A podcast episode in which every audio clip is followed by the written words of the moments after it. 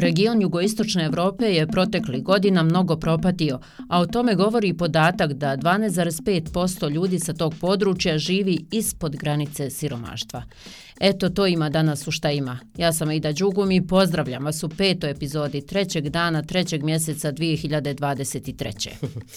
Ćao svima, čao Ida, ja sam Lila Omregić-Čatić. Evo, samo da dodam još na ovu tvoju početnu vijest da nezaposlenost mladih seže i do 34%. To je rekla generalna sekretarka Vijeća za regionalnu saradnju Majlinda Bregu na forumu Svjetske zdravstvene organizacije. I također je spomenula problem odlaska mladih i rekla da čak 67% stanovnika Zapadnog Balkana želi da studira i radi vani. Razni scenariji predviđaju rast nestašica radne snage i vještina na Zapadnom Balkanu do 2030. godine.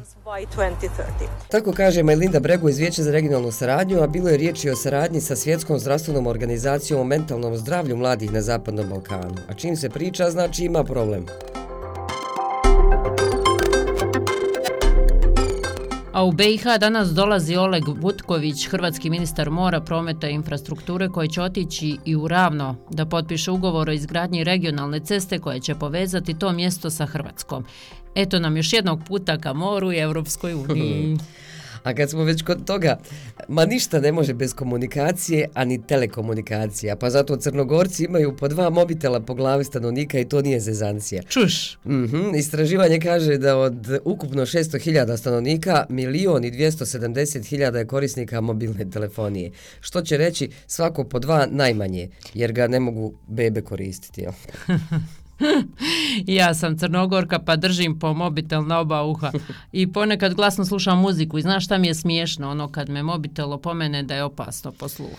E pa vidi, to i nije baš neka šega, jel? Upravo zbog takvih ko što si ti, Svake godine 3. marta se upozorava na to. Dakle, danas je svjetski dan uha i sluha, dan u kojem se nastoji podići svijest da se sluh očuva.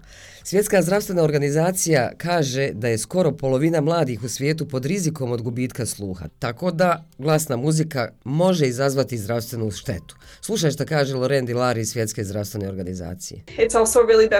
Zaista je korisno da pratite nivo glasnoće na svojim ličnim uređajima za slušanje ili pametnom telefonu. Ako vam telefon govori da je muzika preglasna, vrlo vjerovatno jeste i zaista preporučujemo da se taj savjet posluša i muzika smanji. Ali znaš šta, Lelo, nije samo glasna muzika prijetnja sluhu, tu su i okolišni zvukovi, a naš kolega Andi Mioč napravio je explainer o tome, pa da čujemo šta kaže. Tako je procijenjeno da se buka gustog saobraćaja iz auta može slušati bez rizika do 12,5 sati sedmično.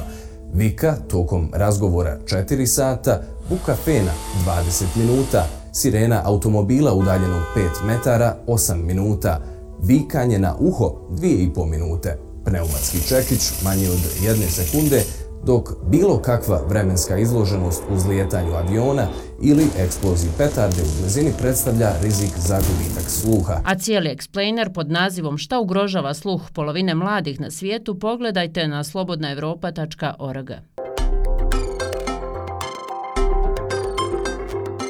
nego znaš li ti koliko ja volim one selfije, ali nikad ne stavljam filtere, pa konta možda bi ih i trebala, jer vidim kako se svi nešto foliraju s tim filterima. Pa da ti kažem, neka te bez filtera i ja sam. Volim samo onaj crno-bijeli i slične koji su retro. Ali vidim po mrežama ljude koji izgledaju nekako plastično. I kad smo kod toga, jesi vidjela novi filter TikTokov Bold Glamour? E, pa istižu reakcije ovaj, upravo jesam, na taj filter. Jesam, jesam, uh jesam. I jedan naslov kaže da je to problem jer novi hiperrealistični TikTok filter za ljepotu plaši ljude. Eto, to piše BBC. Da ti kažem nešto. Ovo već prelazi u ozbiljan problem kojim bi trebalo da se pozabave svjetske vlade jer može da utiče na psihu mlade raje.